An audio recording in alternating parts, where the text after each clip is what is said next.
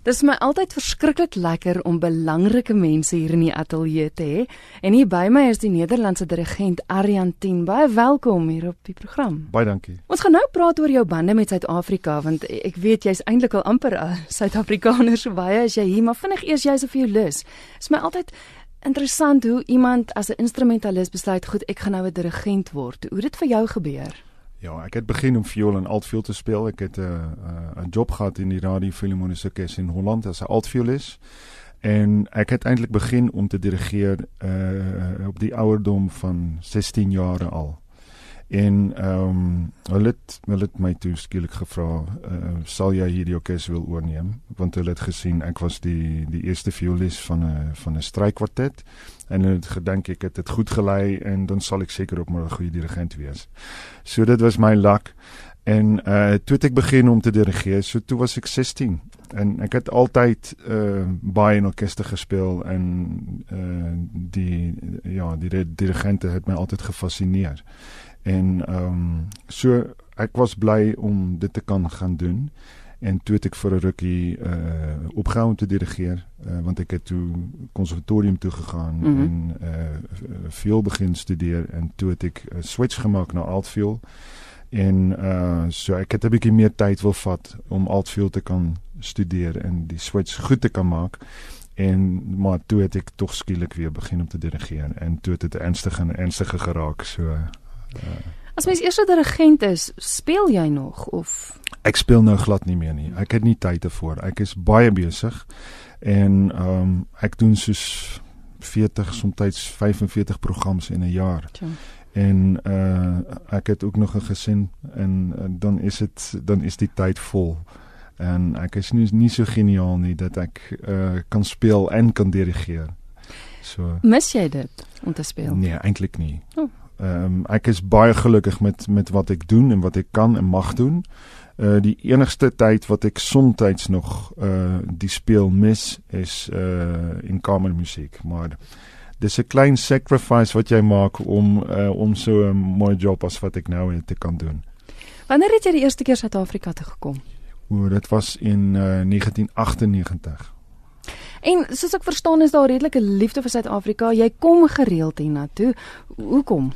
Nogal. Ehm um, um, die die eerste keer wat ek Suid-Afrika toe gekom het, dit was in 98 by die uh, KwaZulu-Natal Philharmonic Orchestra in Durban. En ehm uh, toe het dit my eintlik dadelik geraak. Die land, eh uh, die natuur, eh uh, die mense, eh uh, hulle is baie gasvry en So ek het dit baie geniet en toe was ek in 'n half jaar was ek weer terug in die land.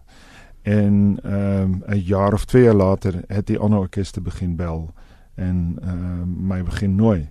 En ehm um, ja, dan raak jy bietjie gewoon aan die taal of aan die Afrikaanse taal ook mm. en uh ek is lief vir tale en ek het toe begin om die tale klein bietjie op te tel en uh natuurlik toe ek meer in in Johannesburg en Pretoria en veral ook in die Kaap het begin werk. Uh, ja, dis baie meer mense wat Afrikaans praat as as in Durban.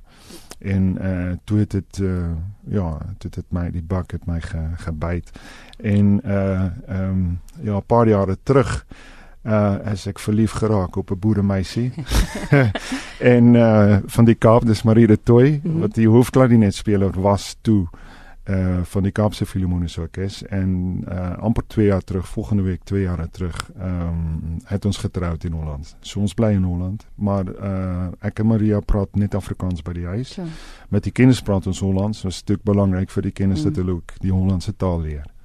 Maar so het dit 'n bietjie begin. Dis 'n lang antwoord. ek dink dirigente is superwesens want jy stap in ander lande in wat soms 'n taal is wat nie noodwendig vir jou bekend is nie. Jy kry elke keer vreemde mense voor jou, dis orkeste wat saamgestel is, 'n vreemde orkes, vreemde soliste en jy kry dit reg om deur middel van musiek dit absoluut net saam te voeg tot 'n tot 'n geheel. Wat sou jy sê is van die grootste eienskappe wat 'n dirigent moet hê? Wat, wat maak van jou 'n goeie dirigent? Uh, die belangrikste is en dis 'n bietjie obvious, maar die belangrikste is dat jy 'n goeie musikant is. En uh as as dit uh, as daai voorwaarde daar is, dan sal jy ander alle ander obstakels kan oorwin. Hmm. Die belangrikste vir orkes is dat hulle ehm um, geïnspireer raak deur 'n dirigent. En as hulle sien dat jy daar is om musiek te maak en net daarvoor en nie vir ander goed is nie, uh so dis nie 'n mags 'n stryd of of iets wat dit soms vir dirigente is. Ja. Maar die beste is om net jy gaan net vir die musiek en jy probeer dit te wys vir die musikante in die orkes. En dan voel hulle uh dat die gemeenskaplike goed wat jy behoort het met hulle daar is en dan uh sal al die ander obstakels uh uh oorwin. Nou die Suid-Afrikaners het nou geleentheid spesifiek na Iboon Gauteng om jou te sien in aksie. Dit is saam met Gauteng Opera. Vertel my gou van van die samewerking en die produk waaraan julle nou werk. Uh ons werk nou aan die opera van Donizetti, Liliesina Moore.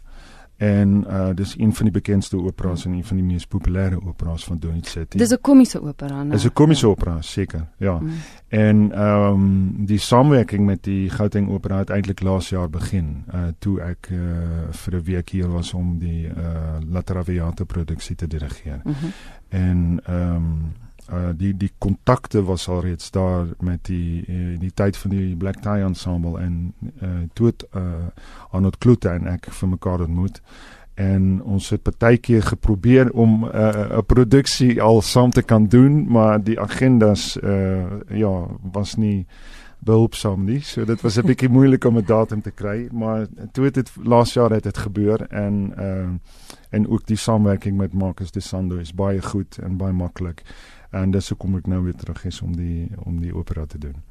Dit is 'n bekende opera. Ek dink amper ek hoop nou net verwarm met 'n ander een nie, maar dit is dis iets met 'n liefdes potion liefdes, te doen en 'n ja. tovenaar tipe van ding. Dis ek het die regte een weet, né? Ja.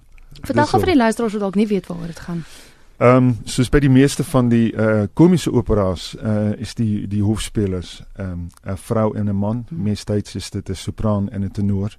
En in die begin van 'n komiese opera dan is dit moeilik vir hulle om by mekaar te kom om wat vir rede ook. En uh, op die einde van die opera dan uh, dan uh, raak dit skielik uh, uh, goed en uh, kom hulle by mekaar. Dis die short version. en uh, maar hierdie vers uh, die hierdie opera dis eintlik baie snaaks want die uh, Adina, dis die die lead role in die opera is hy sy's uh, 'n bietjie 'n rykere vrou in die in die dorpie waar dit speel. En ehm um, uh, Nemorino is die is die boer wat verlief is op Adina maar dis 'n afstand. En uh, sy speel 'n uh, bietjie hard to get. En ehm um, dan kom daar 'n garnisoen in die dorp en Belcore die kommander van die garnisoen ehm um, uh, hy's uh, hy's verlief op Adina en hy wil met haar trou en Adina dink o oh, dit is dalk snaaks om 'n bietjie met hom te gaan speel en vir Nemorino 'n uh, bietjie jaloers te maak. So Nemorino is natuurlik baie uh, is nie nie beïndruk daarmee en hy's baie uh, um, ontstel. Dan kom daar 'n charlatan, 'n dokter uh, van buite wat eintlik nie 'n dokter is maar hy hy ehm um, ja hy stel homself voor as 'n as 'n groot man met ensiklopediese kennis en uh, jy kan my enige iets vir hom vra en hy sal dit weet en hy sal 'n uh, 'n medisyn vir jou hê. Uh, hy het hy potions vir vir maagswere, vir kopseer, vir hartseer, vir puisies, vir enige iets. En al die al die potions werk nie net daarvoor nie, maar dit werk ook vir om om muise te verdelg en en al goed. So dis enige iets wat hy het en hy sal dit verkoop vir jou. En hy is altyd binne 24 ure sy weer weg. Want ja. dan is hy natuurlik seker dat hulle hom nie sal vat as dit nie werk nie. Ehm um, so hierdie deel kamare ehm um, het al die potions en ehm um, in die begin van die uh, van die op. Dit is altyd baie gekompliseerd. So ek probeer dit nou om 'n bietjie ja, ja. te vertel want so dis dis soos dit gebeur met 'n soap. So en dis mos 'n soap opera. Ja, ja. So ehm um, uh, Adina lees 'n boek voor in die begin en dis almal mense wat wat wil luister want die meeste van die mense kan ook nie lees nie, maar sy kan.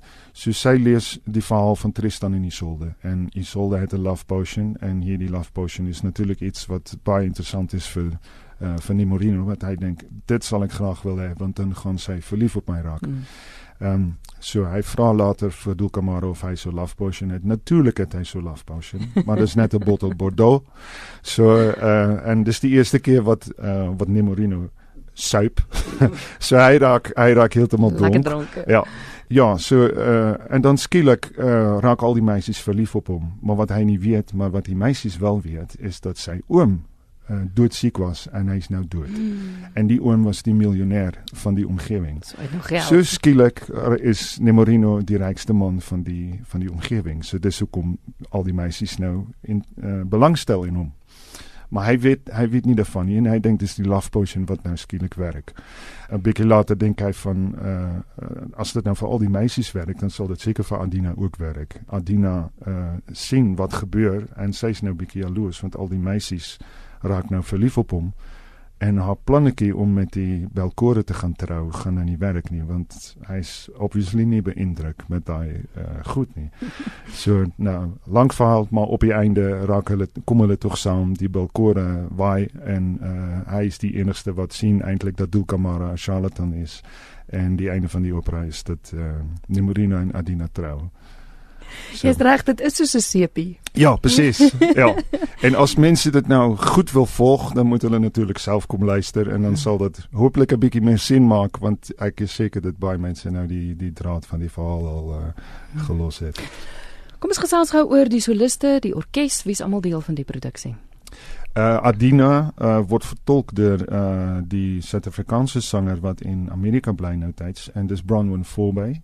Sy het uh, laas jaar met my hier ook by Gauteng Opera die Violetta uh, gesing en dit was 'n uh, baie groot sukses. Sy sê het 'n uh, baie mooi mooi stem of strot soos ons in Holland sê.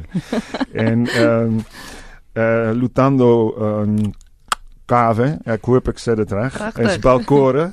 uh, Nemorino, die uh, die boere wat verlief raak op Adina. Dit is Tabiso Masemene. En dan het ons nog Dulcamara, die fake dokter. dat is uh, Tato Machona van die Kaap. Uh, en uh, Caroline Nkwe is Janetta. Dus een van die hmm. meisjes mm. in die dorp. Wat ook een grote rol speelt in die verhaal. En uh, die Gauteng Opera is natuurlijk die, die producent en uh, die organisator van, die, uh, van hier die productie. En die orkest wat speelt is die Gauteng Opera Orkest. Ek wonder altyd tussen die samewerking tussen die regisseur en die dirigent. Wie luister na wie? ja, dis dis baie maklik. 'n uh, 'n opera sonder musiek is nie 'n opera nie. So die belangrikste is natuurlik die dirigent. Hulle moet luister na jou. So Marcus De Sando sal baie na my moet luister, maar hy dink natuurlik anders. Ja. Wanneer is julle te sien en waar is julle te sien? Ons is te sien in die uh Mandela Theatre en die opening night is op 2 Augustus en daar's nou ook nog voorstellings op 4 Augustus, 6 Augustus en 7 Augustus, 7 Augustus in die namiddag, dis 'n matinee. Baie dankie vir die kuier. Dit is so groot voorreg om jou hier te hê. Dis 'n groot plesier. Baie dankie.